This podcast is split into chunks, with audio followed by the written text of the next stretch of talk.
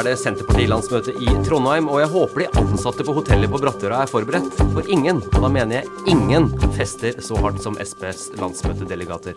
I studio så har vi med hun som har vært med på alle disse festene de siste 30, ja kanskje 40 åra òg. Parlamentarisk leder Marit Arnstad, velkommen. Takk for det. Velkommen til Ukas omorganisert til deg også, Siv Sandvik. Takk, takk. Og Terje Eidsvåg, selvfølgelig. Hallo. Hallo, hallo. Uh, I Ukas omorganisert altså lurer vi selvfølgelig på hva i all verden regjeringa gjør galt nå som Høyre er større enn Arbeiderpartiet og Senterpartiet til sammen. Og er det høyrevelgerne Senterpartiet håper å få tilbake når sentrale folk i partiet plutselig er bekymra for Sveits-flyktningene og vil senke skattene? Men aller først, Marit. Hva er med disse landsmøtene i Senterpartiet? Så Det er bunader, det er fenalår, det er trekkspill, det er øl. Noen vil kanskje si at det er en god del karsk også, men det veit jeg ingenting om. Det bare nevner jeg. Og ikke minst så bestiller dere da vekking et kvarter etter at dere finner senga. ja, det er ikke alle av oss som gjør det, altså. Noen gjør det, det vet vi. Sånn at uh, jeg er nok ikke av dem som legger meg senest på de landsmøtene. Uh, men samtidig så er jo landsmøtet i Senterpartiet en stor sosial sammenkomst. Uh, og det betyr at det jobbes hardt på dagene, men det er også veldig sosialt på kvelden og utover natta for en del, da. og nå er det jo fire år siden sist vi møttes fysisk til et landsmøte, så det er klart at mange som gleder seg veldig. Lukter overtenning? Jeg håper det ikke blir overtenning. Jeg håper at det skal bli veldig hyggelig gjensyn og noen gode arbeidsøkter, og så at det blir veldig trivelig på kveldene. Men du lærer jo veldig mye om partier uh, av å være på landsmøtene deres. For folk som ikke har vært på ja. altså, en del av det partiet. Sånn som jeg husker mitt første Senterpartilandsmøte var i Loen i Sogn og Fjordane i 2013. Uh, og, her, og, da gikk det skikkelig dårlig. Uh, det var dårlig stemning. Uh, og det bok har nettopp kommet ut om Ola Borten Moe, der det har vært noen historier om noe, um, en tørketrommel som ble brukt til å lage badstue. Det var som en scene, så det ble veldig mye snakk om denne tørketrommelen. Og det var ikke noe, det var bare badstue, det var ikke noe sånn der, altså. Men da hadde de fått båret opp en tørketrommel på suiten der nachspielene skulle være, som en gimmick. Det syns jeg var Da er litt sånn sjølironi, og det syns jeg var artig, da. Må sitte og rynke på nesa her. Jo, det syns jeg var litt sært, da, men jo men, det, jo, men det var bare sånn å finne på det, liksom. Ja. Eh, og folk hadde bunader på seg til landsmøtemiddagen. Det er det ingen andre partier som har. Og den synginga som dere hadde i Senterpartiet, overraska meg. Og veldig mye sang. Du får på en måte, du skjønner mer om hvor et parti kommer fra, ikke pga. tørketrommelen, altså, Marit, men mer med bunadene og synginga og hvor mye forskjellige typer folk det er. Og, mm. Sånn som Venstre sine landsmøter. I ingen fellesnevnere. Og det sier jo òg mye om partiet. Men, men altså, det har jeg av og til lurt på, fordi at jeg har jo ikke vært på andre landsmøter enn Senterpartiets landsmøter. Så jeg vet jo ikke hvordan andre landsmøter i andre parti er. Eh, men det er jo sant at eh, det, noe av det jeg gleder meg til, er at vi skal synge mye. Og så blir det taler, og det blir tøffe debatter, tror jeg, og det blir sikkert mye resolusjonsarbeid og sånn. Men det er også en sånn fantastisk anledning til å treffe folk fra hele landet. Eh, og både dem du har truffet hver gang på landsmøtet de siste 20 årene, men også dem som er nye, og dem som har kommet til eh, i Senterpartiet etter hvert. Så jeg syns jo landsmøtet skal være en sosial gathering. Eh, men jeg vet ikke hvordan det er i andre partier. Jeg har jo ikke vært på noen landsmøter, men kombinasjonen av bunad og allsang eh, eh trekker, trekker, jo ikke akkurat opp lysten. da. Det nærmeste jeg har vært et landsmøte, var at jeg plukka opp en kollega fra Aftenposten når KrF hadde landsmøte på Royal Garden. For hun trodde ikke det kom til å skje noe særlig. Eh, men det var jo den kvelden mens vi, jeg viste barlivet i Trondheim, så visste Eh, Kristine Koht, eh, barmen for, Nei, ja, det var på, ja, det var på Rika Nidelven. Ja, Rika Nidelven, men det. Ja, og kjapp historie om det landsmøtet. Ja, fordi altså, KrF sine landsmøter er jo tørr i den forstand at det serveres ikke alkohol til middagen. Og, og så visstnok før jeg begynte å jobbe som politisk reporter, så fikk heller ikke pressen alkohol. Og hva skjedde da? Pressen kom ikke på landsmøtemiddagen. Og det syns jo KrF var litt kjedelig, så i 2013 så bestemte de at pressebordet skal få skjenk. Okay. Eh, så du skjenker pressen, men du får ikke lov å drikke sjøl? Ja. Så vi satt ba, Fordi pressebordene i de her landsmøtemiddagen Jeg må bare si at pressen betaler. Vi betaler for oss sjøl, altså. Eh, vi sitter bakerst, og det er jo som seg hør og bør. Og det de som jobba der, tror jeg tenkte nå skal vi fader rullene meg skjenke dem vi kan skjenke. Fordi vinglasset mitt var aldri tomt, og det var ingen av kollegaene mine sine heller. Og vi drakk og drakk. og så stemninga steig på dette runde bordet. Og så kom jo det med Christine Koht, som var innleid som underholdning. Og én ting var jo at hun pressa eh, ansiktet til diverse eldre KrF-herremenn ned i brystene sine, men det verste Hun hadde jo en sånn greie der hun skulle få folk til å rope til sidemannen 'Herregud, jeg er så glad i deg'. Og da har jo ikke hun gjort researchen sin, for er det virkelig noe Det er som å si fy f for dem, ikke sant. Så det ble så dårlig stemning. Og så skulle vi ut, da, av det her uh, litt sånn dunkel belysning, festsal, i den harde resepsjonen og møte klin edrue, småfornærma KrF-ere, mens pressebordet hadde sånn topp stemning. Og jeg bare tenkte jeg skal ikke ta en eneste kildesamtale nå. Nå er jeg rett opp og legge seg. Du, nok om KrFs landsmøte. Sånn lang digresjon. Sånn blir det ikke på Senterpartiet. Nei, for der skal alle borda få Det er god stemning. Ja, og etterpå skal vi danse. Ja, ikke så dans på en måte alkoholen av Ja, det er mye mer dans Så mye på. Senterpartiet sine landsmøter enn på andres. Ok, folkens, for dere hører det, så meld dere inn i et eller annet parti og bli med på landsmøtene. Eller gjør som Terje og bare la det bare være og ha dine tanker om hvordan det skal være. Uansett, eh, Marit, dere har også landsmøte i, i, i helga. Men på Debatten eh, på NRK på tirsdag, eh, så hadde dem da sin typ hundrende sending om hva som er vondt og vanskelig med Arbeiderpartiet. Men dere synker jo minst like raskt, men dere får jo lov å gjøre det i ro og fred. Ingen som snakker om det. Ledelsen skal gjenvelges, alt virker på stell. Men de har faktisk gått fra 13 da, til omtrent 6 nå. Er det litt sårt å ikke være tema på Debatten, f.eks.? Uh, nei, det er ikke sårt å ikke være tema på debatten. Det er det ikke. Uh, jeg må si at uh, altså, vi har hatt noen sånne kraftige bumps i, på målingene. Det har vi hatt. Uh, samtidig så tror jeg også det er en del sånn eh, mange hos oss som syns at vi har et egentlig ganske godt utgangspunkt for lokalvalget. Altså Vi har veldig bra listestilling. Vi har mange dyktige ordførere som søker gjenvalg. Eh, så vi har veldig mye flinke folk. Og hvis du ser på kommunemålingene, så ligger de liksom mellom 9 og 10% Og det tror jeg mange hos oss ser på som et utgangspunkt som det er mulig å ta en skikkelig fight for i valgkampen, og prøve å klare å få til et godt resultat. Du var jo med i debatten, Siv, denne uka her. Eh, Du var også inne på, det, var inne på hvorfor Arbeiderpartiets fall er sånn som det er. Ja, og det jeg tror ikke hjelper Arbeiderpartiet, er jo at det er en slags sånn vandrende seminar om alt som er vondt og vanskelig i det partiet. Det er jo ingen i partier som tenker Yes, vi har hele debatten, og den skal handle om hvor dårlig vi gjør det. Og ulike folk som mener at uh, XYZ bør ut av ledelsen. Det er jo, blir jo en sånn selvforsterkende greie. Uh, det er ikke akkurat usikker vinnerlag. Uh, og det tror jeg jo også, selv om det er ikke grunn til at Arbeiderpartiet gjør det dårlig på meningsmålingene, så gjør det i hvert fall ikke ting bedre.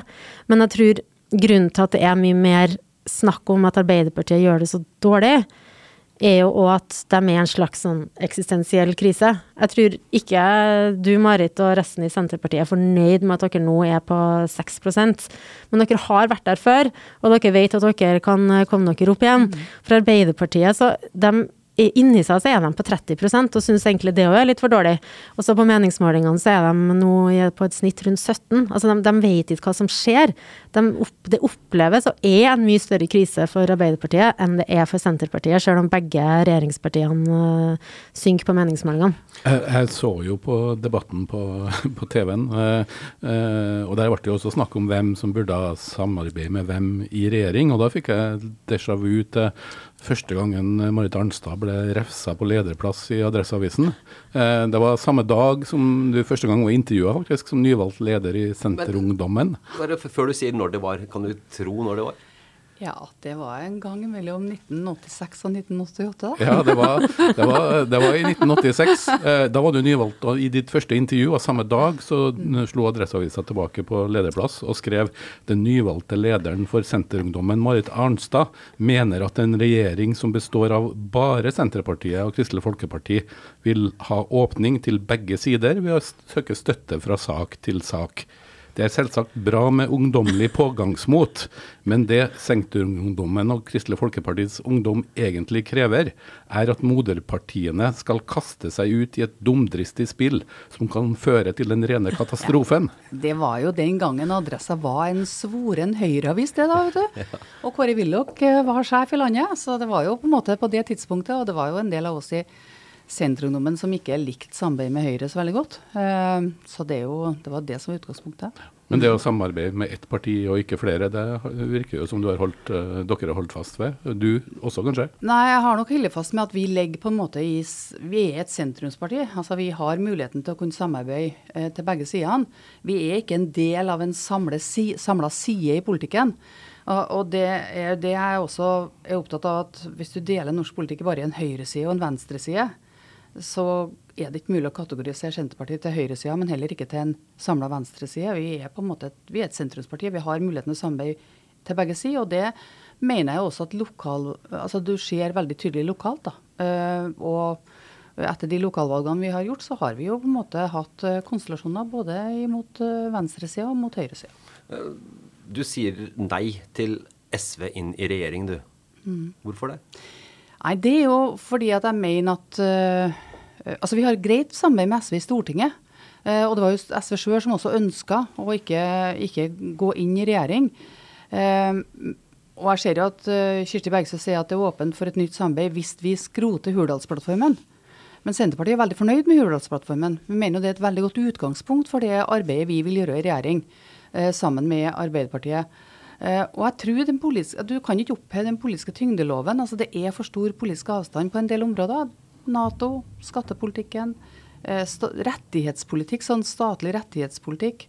Eh, olje- og gasspolitikken. Det er mange områder der det eh, politiske avstanden er rimelig stor.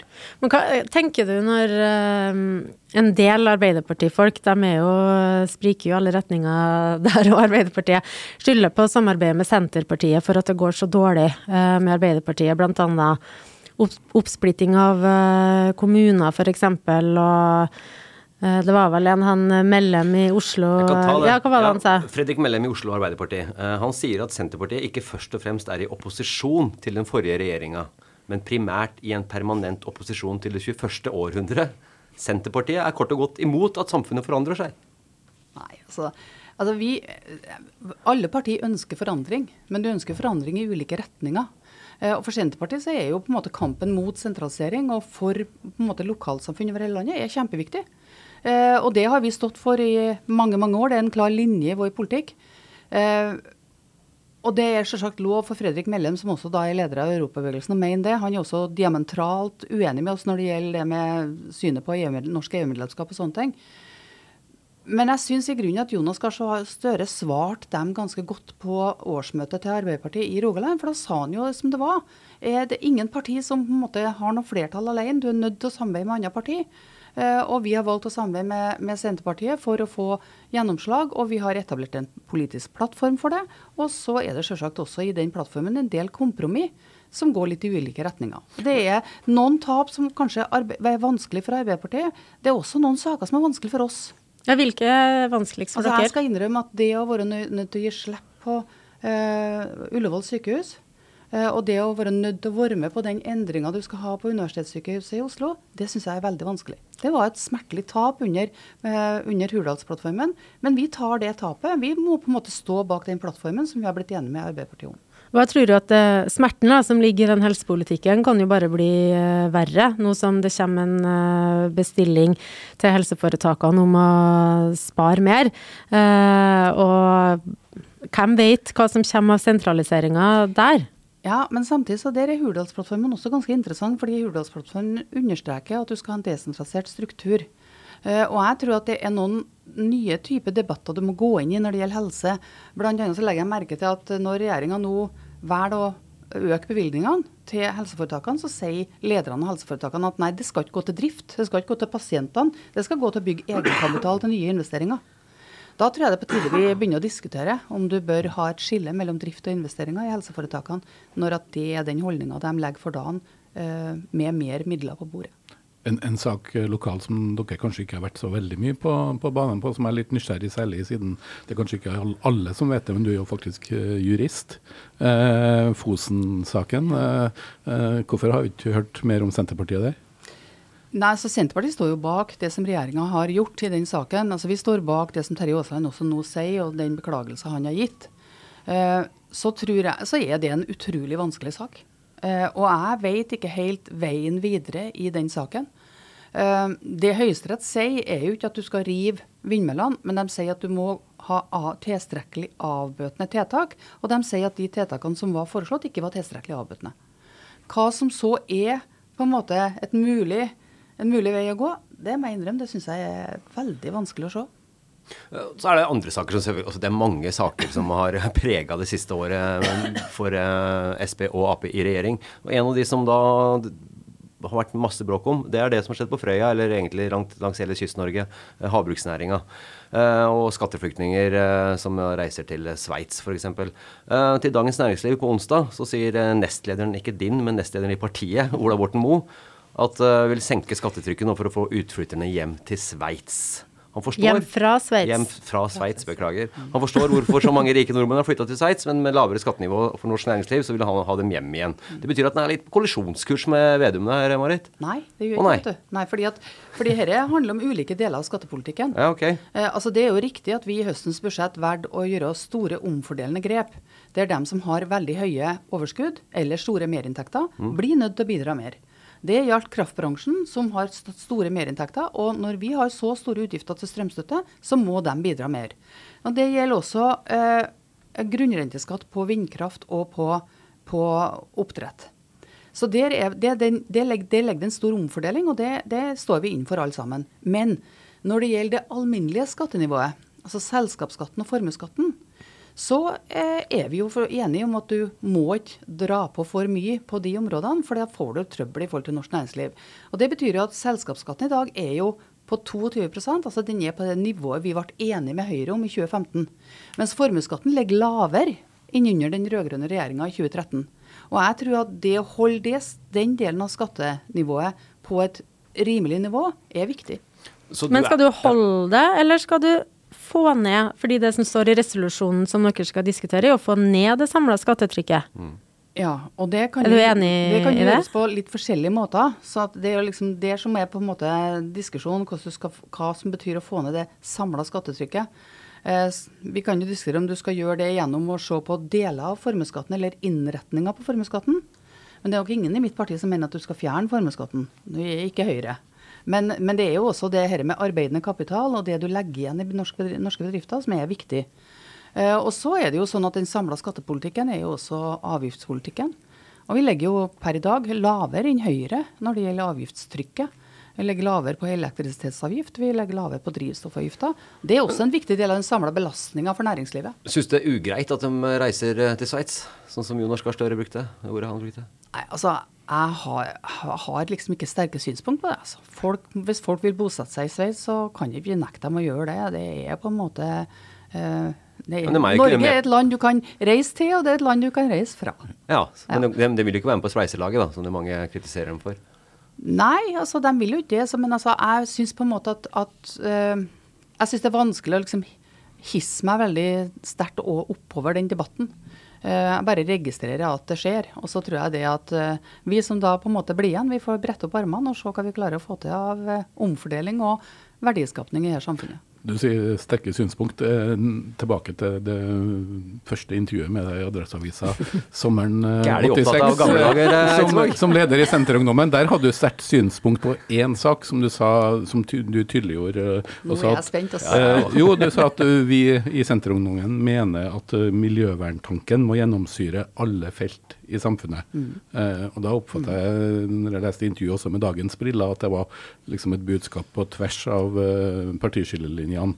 Nå så jeg nettopp en debatt hvor dagens leder i Senterungdommen var i debatt med Senterpartiets Geir Pollestad foran landsmøtet som starter nå, om hvor grønn Senterpartiet eh, skal være knytta til klima- og miljøsak. Uh, det vil si at man har fått en intern debatt om det som du mente burde gjennomsyre mer av samfunnet allerede for uh, snart 40 år siden. Uh, hvordan kom vi dit? Nei, men jeg syns enhver sentrumsleder skal være pådriver overfor partiet når det gjelder miljø- og klimaspørsmål. Det mener jeg. Det var riktig i 86, og det er riktig i dag. Ja. eh, eh, og jeg mener også miljøspørsmål og klimaspørsmål er viktig. Men det vi, det vi diskuterer, er jo, egentlig ikke, er jo egentlig ikke målene, men det er jo på en måte veien for å komme dit. Altså hva er de riktige veiene å gå, hva er de riktige virkemidlene. Uh, og, og jeg er jo bekymra f.eks. For, for en klimapolitikk som bare skal bestå av at du skal øke avgiftene. Og så da har vi gjort det vi skal gjøre liksom, på klima. Det er jeg bekymra for, for jeg tror at det er uh, for enkelt. Jeg tror at det er også Du risikerer å miste legitimitet ute hos befolkninga. Og hvis du gjør det, så skader det klimasaken mer enn den gagner. Uh, så, så det, jeg mener at det er mer en diskusjon om verktøy og virkemidler enn det er kanskje om mål. Da. Men tror du senteret og ungdommen blir fornøyd etter landsmøtet? Eh, det er jo vanskelig å si, da. Jeg vet ikke hva landsmøtet kommer ned på. Men jeg mener som sagt at eh, hvis ikke sentrum er pådriver på disse områdene, her, så vil det være noe alvorlig galt med dette partiet.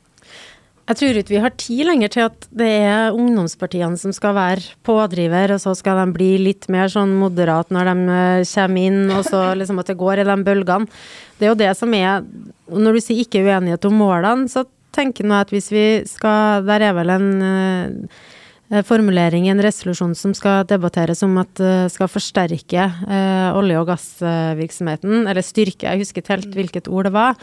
Og, hvis, og da da blir det jo vanskelig å nå klimamålene. Jo, men klimapolitikken må også forholde seg til vir den, den, virkeligheten vi er i. Og i stedet for at du nå skal fyre opp brunkølanleggene i Polen for å, fy, for å gi eh, kraft til Europa, så er det jo bedre at du eksporterer norsk gass. Ærlig talt, både klimamessig og rent faktisk. Så jeg syns på en måte den debatten kan ikke leve sitt eget liv. Den må også øh, forankres noen plass i, i, det, i, virkeligheten. Og det gjelder også, også, klimakravene til landbruket. Jeg må si jeg forstår ikke. fordi at øh, Hvis at du velger å gjøre sånn som MDG ønsker, eller i og for seg også som Høyre vil når de skal ha en kjøttavgift, det er jo bare å si det samme som at du skal redusere antallet husdyr i Norge. Sjøl om vi har en husdyrproduksjon som er i enhver internasjonal sammenheng meget moderne, og også der det er store muligheter til å kunne redusere utslippene. Men da å gjøre det på en sånn måte at, at du ikke samtidig ødelegger grunnen for norsk landbruk. Altså, det er på en måte et eller annet i forankringa der som jeg syns eh, klimapolitikken av og til mangler. Jeg må si det. Altså, nå har vi en veldig vanskelig debatt om Melkøya og elektrifisering av Melkøya. Uh, og jeg mener at i den debatten så må Jeg skjønner at de utbyggerne på Melkøya og Equinor at de regner hjem uh, elektrifisering fra fastlandet uten videre. Det er det billigste du kan gjøre for dem. Men du må se på uh, landet rundt deg. Du må se på den regionen du er en del av. Og du er nødt til å se det i sammenheng med det som skal foregå også på fastlandet. Og Derfor kan det hende at du må velge andre løsninger, sjøl om de da enten tar litt lengre tid eller er dyrere. Men Hva mener du er det beste på Melkøya, da? Altså, jeg er ikke noen ekspert på det. Jeg tror at det, det finnes mange andre eksperter. Ja, men du er politiker, og det var ja, ja, Nei. jeg, men, men, men altså, ett alternativ er jo f.eks. å bruke havvind i stedet for å elektrisere alt fra land. Så havvind kombinert med litt sånn, sånn, grunnlast. Det er en mulighet, men det tar nok litt lengre tid. Uh, en annen mulighet er jo CO2-deponering. Det kan være en mulighet, men der er nok tiltakskosten høyere for å få det gjort. Men, men hvis du var klok i forhold til finnmarkingene og, fin og, næringslivet i Finnmark, så velger du å gjennomgå de løsningene akkurat nå, for det er helt, mener jeg er nødvendig. Bare litt om, For å holde den på energien og, og strøm her. altså Fylkestoppen og fylkesvaraordfører i Trøndelag, Thomas Iver Hollem, han er konsekvent imot kjernekraft. Mm. Sola Borten er, uh, Mo, som var inne på det tidligere, litt mer åpen for det her. Hvor er du? Ja, Han vil utrede. Ja, ja men det da er han åpen. Jeg har, jeg, jeg, jeg har ikke noe mot heller at du utreder, at du skaffer deg mer kunnskap om det. Eh, men jeg tilhører nok den generasjonen som, som, eh, sant, som opplevde Tsjernobyl, eh, og som, som, ble veldig slått av, av, hele den opplevelsen. Og når at du i Trøndelag sant, i mange mange år etterpå var nødt til å fòre ned sauene hver eneste eh, høst. Altså, jeg er veldig prega av det, eh, så jeg er nok veldig skeptisk. Men uh, jeg har jo en sønn da, som studerer fysikk og matematikk, og han er veldig for, da. Ja. ja. For jeg tror det er en sånn ingeniørgen som gjør at du blir litt for det. men, men, uh, men, men, jeg mener at det, det med å skape kunnskap, det å skaffe seg kunnskap, det syns jeg er ok. Det kan du godt gjøre. Selling a little or a lot? Shopify helps you do your thing however you cha-ching. Shopify is the global commerce platform that helps you sell at every stage of your business. From the launch your online shop stage to the first real life store stage, all the way to the did we just hit a million orders stage. Shopify is there to help you grow. Shopify helps you turn browsers into buyers with the internet's best converting checkout. 36% better on average compared to other leading commerce platforms because businesses that grow grow with Shopify. Get a $1 per month trial period at shopify.com/work. shopify.com/work. Join us today during the Jeep Celebration event. Right now, get 20% below MSRP for an average of 15178 under MSRP on the purchase of a 2023 Jeep Grand Cherokee Overland 4xE or Summit 4xE. Not compatible with lease offers or with any other consumer incentive offers. 15,178 average based on 20% below average MSRP from all 2023 Grand Cherokee Overland 4xE and Summit 4xE models in dealer stock. Residency restrictions apply. Take retail delivery from dealer stock by 4 1. Jeep is a registered trademark. Apropos Ola Borten Moe, en sønn som studerer. Eh, hvis du fortsatt hadde vært eh, styreleder ved NTNU, tror du det hadde vært eh, gått bedre for denne campusutbygginga da? For du, du, du, var jo, du var jo faktisk den første eksterne styrelederen her for eh, ti år siden. Ja, hadde jeg sagt. Hvis jeg var det. Ja, ja, ja, ja. Det er selvsagt helt umulig å svare på, vil jeg si da, altså hvis det skal være litt ordentlig. Eh, og jeg, men jeg mener jo at, eh, at det Ola Borten Moe har gjort på campus, er helt rett. Mm, jeg mener det. Jeg, mener at det er rett å gå gjennom uh, mulighetene for å spare og mulighetene for å, uh, for å få ned kostnadene. Uh, vi var på vei en plass når det gjelder kostnader knytta til nye prosjekt, både ut- byggeprosjekt og også samferdselsprosjekt, en vei som ikke er holdbar. Altså Vi er nødt til å være litt mer nøkterne. Vi har noen eksempler nå som ikke er bra. Follobanen er jo et av dem. Og jeg er glad for at vi fikk ned eh, kostnadene på campus og på Ocean Space Center, for jeg tror at det faktisk betyr at de blir realisert, og at de blir gjennomført. For det hadde de ikke blitt sånn som det opprinnelig var. Jeg tror at det har kommet til å blitt en sånn tautrekking og en diskusjon som har tatt mye lengre tid. Får du mange telefoner fra ja, lobbyister på campus, NTNU, lobbyister i laksenæring og sånne ting, som vil spille inn hva de mener til deg, som du skal ha med videre til f.eks. Ola Borten Moe eller Trygve eller hvem det skal være? Nei, ikke egentlig, faktisk. Nei. Litt skuffa kanskje? Nei, jeg er ikke skuffa over det heller. Men jeg, jeg får nok kanskje en del sånn e-post og sånn. Men at jeg og har jo ganske mange møter med folk. Men øh, ja. Ikke noe mer enn det jeg tror vanlige stortingsrepresentanter har. Men er det annerledes nå, bare for at én ting er politikken og sakene, men jeg bare spør, du har jo vært med en kvinnealder i politikken. Hva er, hva er den første, største forskjellen fra 1992, da, eh, tre, eh, da du kom inn, og nå til å sitte på Stortinget? Hvis det er noen sånn konkrete ting. Den største forskjellen? Ja. Nei, det er jo alt det herre hatet du får i Ja. sosiale medier. Ja, Altså, det- På 90-tallet var vi jo helt forskåna for sånt. Vi fikk jo sterke tilbakemeldinger fra folk i, når vi traff dem, og i møte med dem og sånne ting. Men det herre hatbølgen du får i sosiale medier, den eksisterte jo ikke. Nei. Blir du prega av det? Eh, jeg blir Jeg tror ikke jeg blir så prega av det, men jeg ser jo at det er tøft for en del av mine medrepresentanter. Hvilke saker er det som får hatet mest fram, da? Jeg vet ikke. Akkurat, akkurat nå er vi i en situasjon der, vi, der, der jeg tror folk føler veldig utrygghet i forhold til prisstigninger og renteøkninger og sånne ting. Og da, da er det, tror jeg, rett og slett mye som må ut i forhold til den situasjonen, økonomiske situasjonen du har rundt deg. Jeg husker jeg skrev en kommentar, sikkert om strøm, rundt, eh, rundt eh, jul. Og da var jeg inn på Senterpartiets Facebook-side, og så hadde dere eh, so sosiale medier-ansvarlig der, da, lagt ut en sånn 'God jul, alle sammen', med bilde av et juletre. Og så var det sånn 300 kommentarer, og jeg tenkte sånn jøss, ivrig julegjeng eh, i Senterpartiet. Og så klikka jeg meg nedover, og da var det bare sånn 'God jul'! Med store bokstaver og utropstegnet. God jul, du, liksom! Har du sett strømregninga mi? Og der det liksom Det var et sånn enormt raseri knytta til strøm, og mange velgere, og det var jo åpenbart at ikke alle der stemte Senterpartiet heller, men en del gjorde nok det, eh, og følte seg svikta, ikke sant? Eh, Og, ikke, og var så Altså, det var sånn hvitt raseri.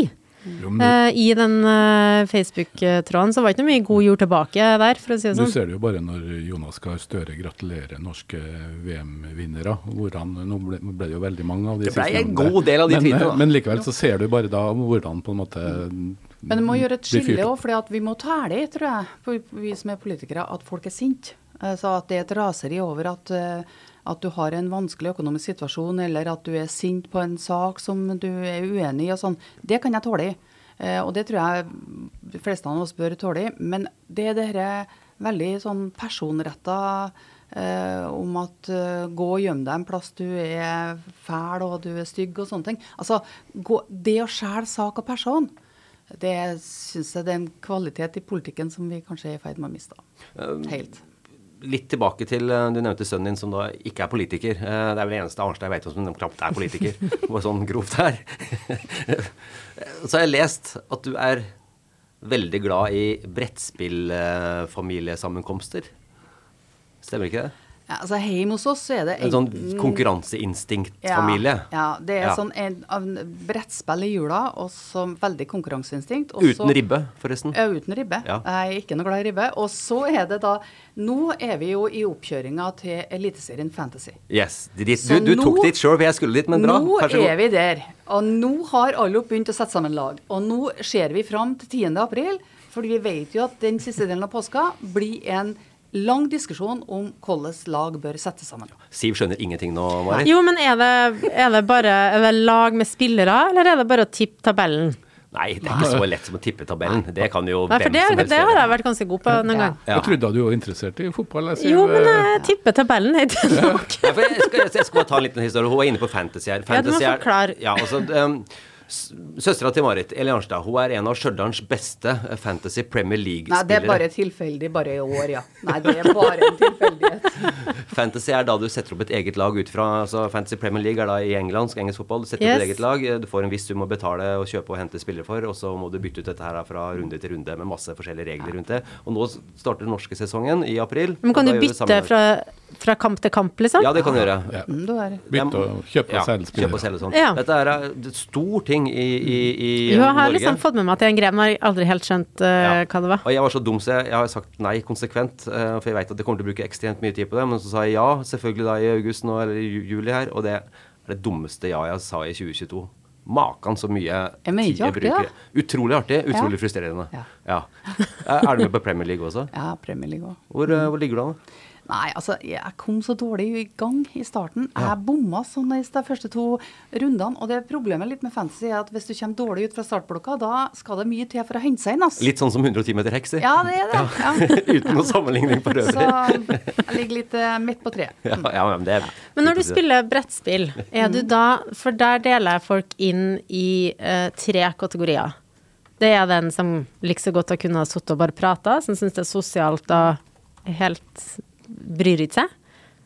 Uh, og så er det dem som først og fremst hater å tape, og så er det dem som først og fremst elsker å vinne. Altså, Ja, og så har du regelnazistene. Ja. Dem må du ikke glemme. dem må jeg ikke glemme. Ja, men de kan være både elske å tape og elske å vinne. Jeg er den litt defensive typen. bevisst, Mener eller? jeg sjøl, ja. Mener Ja. selv. Men jeg er ikke sikker på om familien er enig. Men, Men er jeg mener en, at jeg er det. er du liksom en Når du vinner, er du litt sånn ja, ja, ja, da venter jeg, det var jo koselig. Eller er det litt mer sånn at du gnir det inn? Nei, jeg mener at jeg ikke gnir det inn. Du mener, Jeg legger merke til Men hvis vi måten du spør for formulerer eksempel svaret på det. El eller Ale eller Ja.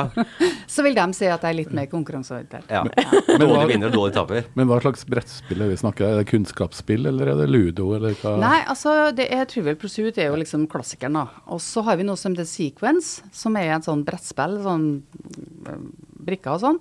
Og så spiller vi, noe, spiller vi Gruble, og det er jo egentlig veldig enkelt, for det er jo bare et sånt spørsmålsspill, temaspill, der vi setter opp kategorier og tema og bokstaver og spiller.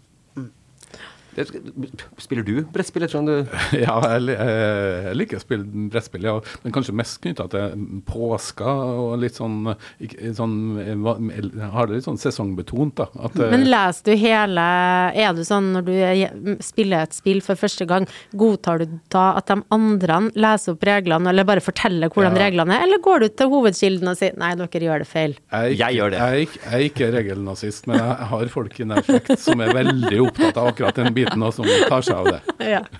Du, eh, bare litt tilbake til fantasy, for jeg vet at mange av våre lyttere eh, er interessert i hva er Marit Arnstads beste fantasy Premier League-tips inn mot uh, dobbel eh, gameweek og blankerunder nå? Åh, nei, det er så vanskelig.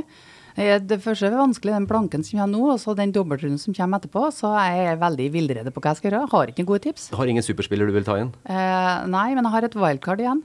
Viktig med wildcard igjen. Ja, veldig viktig.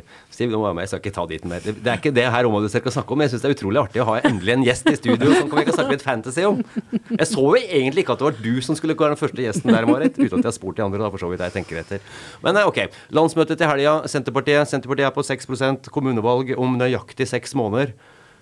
Hva skal det tallet bak Sp stå på for at du skal være fornøyd 14.9.2023? Eh, vi har ikke satt oss noe sånt prosentmål. Nei, men vi har ikke det. Jeg tror ikke vi har gjort det siste tiåret. Så har vi ikke satt oss noen Jeg tror ingen har gjort det siden Jagland eh, gikk på en smell. Det har vi på en måte slutta med. Men det er klart at jeg håper jo at vi skal gjøre det best mulig. Og det betyr jo at jeg håper jo at vi skal klare å komme over det kommunemålingene legger på nå, som er 9-10.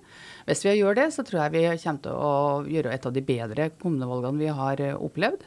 Og så håper jeg at vi skal få gjenvalgt veldig mange av de gode ordførerne våre, ikke minst i Trøndelag. Ok, men da kan jeg stille et annet spørsmål. 163 ordførere, stemmer ikke Nei, det? nei, nei, 135. 135, ja. Ja. ja. Jeg bare sjekka om det var riktig. Hvor mange av de sitter igjen eh, etter 14.9.? Nei, Det er også litt vanskelig å si, for det beror jo på forhandlinger. Og Senterpartiet er jo skarp i forhandlinger etter den hele type lokalvalg, og det skal vi være i gangen her òg. Men det blir mer enn 100? Det vet jeg ikke, men vi håper så mange som mulig. Får jeg ikke på glattisen, altså. Nei. Men det er jo greit, det. Marit Arnstein Arnstad er en av de vanskeligste politikerne å få på glattisen. Det er jo et slags kompliment. Ikke sant. Terje Eidsvåg, eh, jeg tipper at du ikke skal på SVs landsmøte og heller ikke følger på streaming, sånn som jeg kjenner deg. Eh, Beklager til det, Marit. Eh, du, men du har en anbefaling til de få da, som ikke skal følge landsmøtet? Ja, og den går kanskje særlig til mm, delegatene på Senterpartiets landsmøte. For jeg har ikke noe med at Marit er gjest der, men jeg skal faktisk anbefale en av årets beste filmer som utspiller seg på landet, og det er til og med fantastiske scener i et fjøs. Eh, det, er, det er kanskje den debut, en av de best, to beste debutfilmene jeg har sett de siste tre årene. Eh, burde ha fått Oscar i helga. Kommer på kinoen i helga som kommer i Trondheim. Heter for eh, The Quiet Girl. eh, med en utrolig rørende og fin historie om en familie i Irland som eh, er litt trøblete, og så venter de sitt barn nummer fem. Så den yngste jenta sender dem bort til noen fjerne slektninger på landet. Og Det handler rett og slett om forholdet mellom denne litt stille jenta og et eldre ektepar eh, som driver gård og også har en fortid, og hvordan de finner hverandre. Så Det er en sånn hverdagslig skildring fra Irland. Utrolig fin og rørende film. Og, og eh, jeg tror det er tredje gangen i år at jeg gitt en sekser på terningen til en film. Og denne The Quiet Girl er en film som veldig mange vil kunne bli berørt av. og eh, Det er en sånn type film som jeg bare sier til også folk som ikke går mye på kino, se den, den vil du garantert like. Jeg syns du var draus med seksere i år, Eidsvåg. Eh, før så gikk det jo nesten fem år mellom hver sekser. Ja, inn i en bra stim nå, men, eh, men Det er ikke du som ble eldre og mer sentimental og Nei, mer nei, tvert imot. Tvert imot, ja. ja. Bitter og kynisk. ja Nydelig. Siv, er vi fornøyd? Vi er fornøyd. Ja. Marit, har du et siste valgord du vil si til eh, lytterne? Nei, jeg, valg. nei, jeg syns at dette var veldig hyggelig. Ja. Eh, og så tenker jeg så at eh, vi skal ha landsmøte. Jeg gleder meg. Dette skal bli artig. Det er veldig bra. Eh, og Trondheim er en kjempefin by å ha landsmøte i, da. Det Ja, ikke sant. Og, men vi holder på advarselen vi hadde tidlig, at de klarer jo en eh, ansatte på Brattøra. De må Nei være da, pysj. Det går så bra. Vi rydder opp etter oss. Ja, det er bra. Ok, folkens. Vi høres igjen neste uke i Omadressert.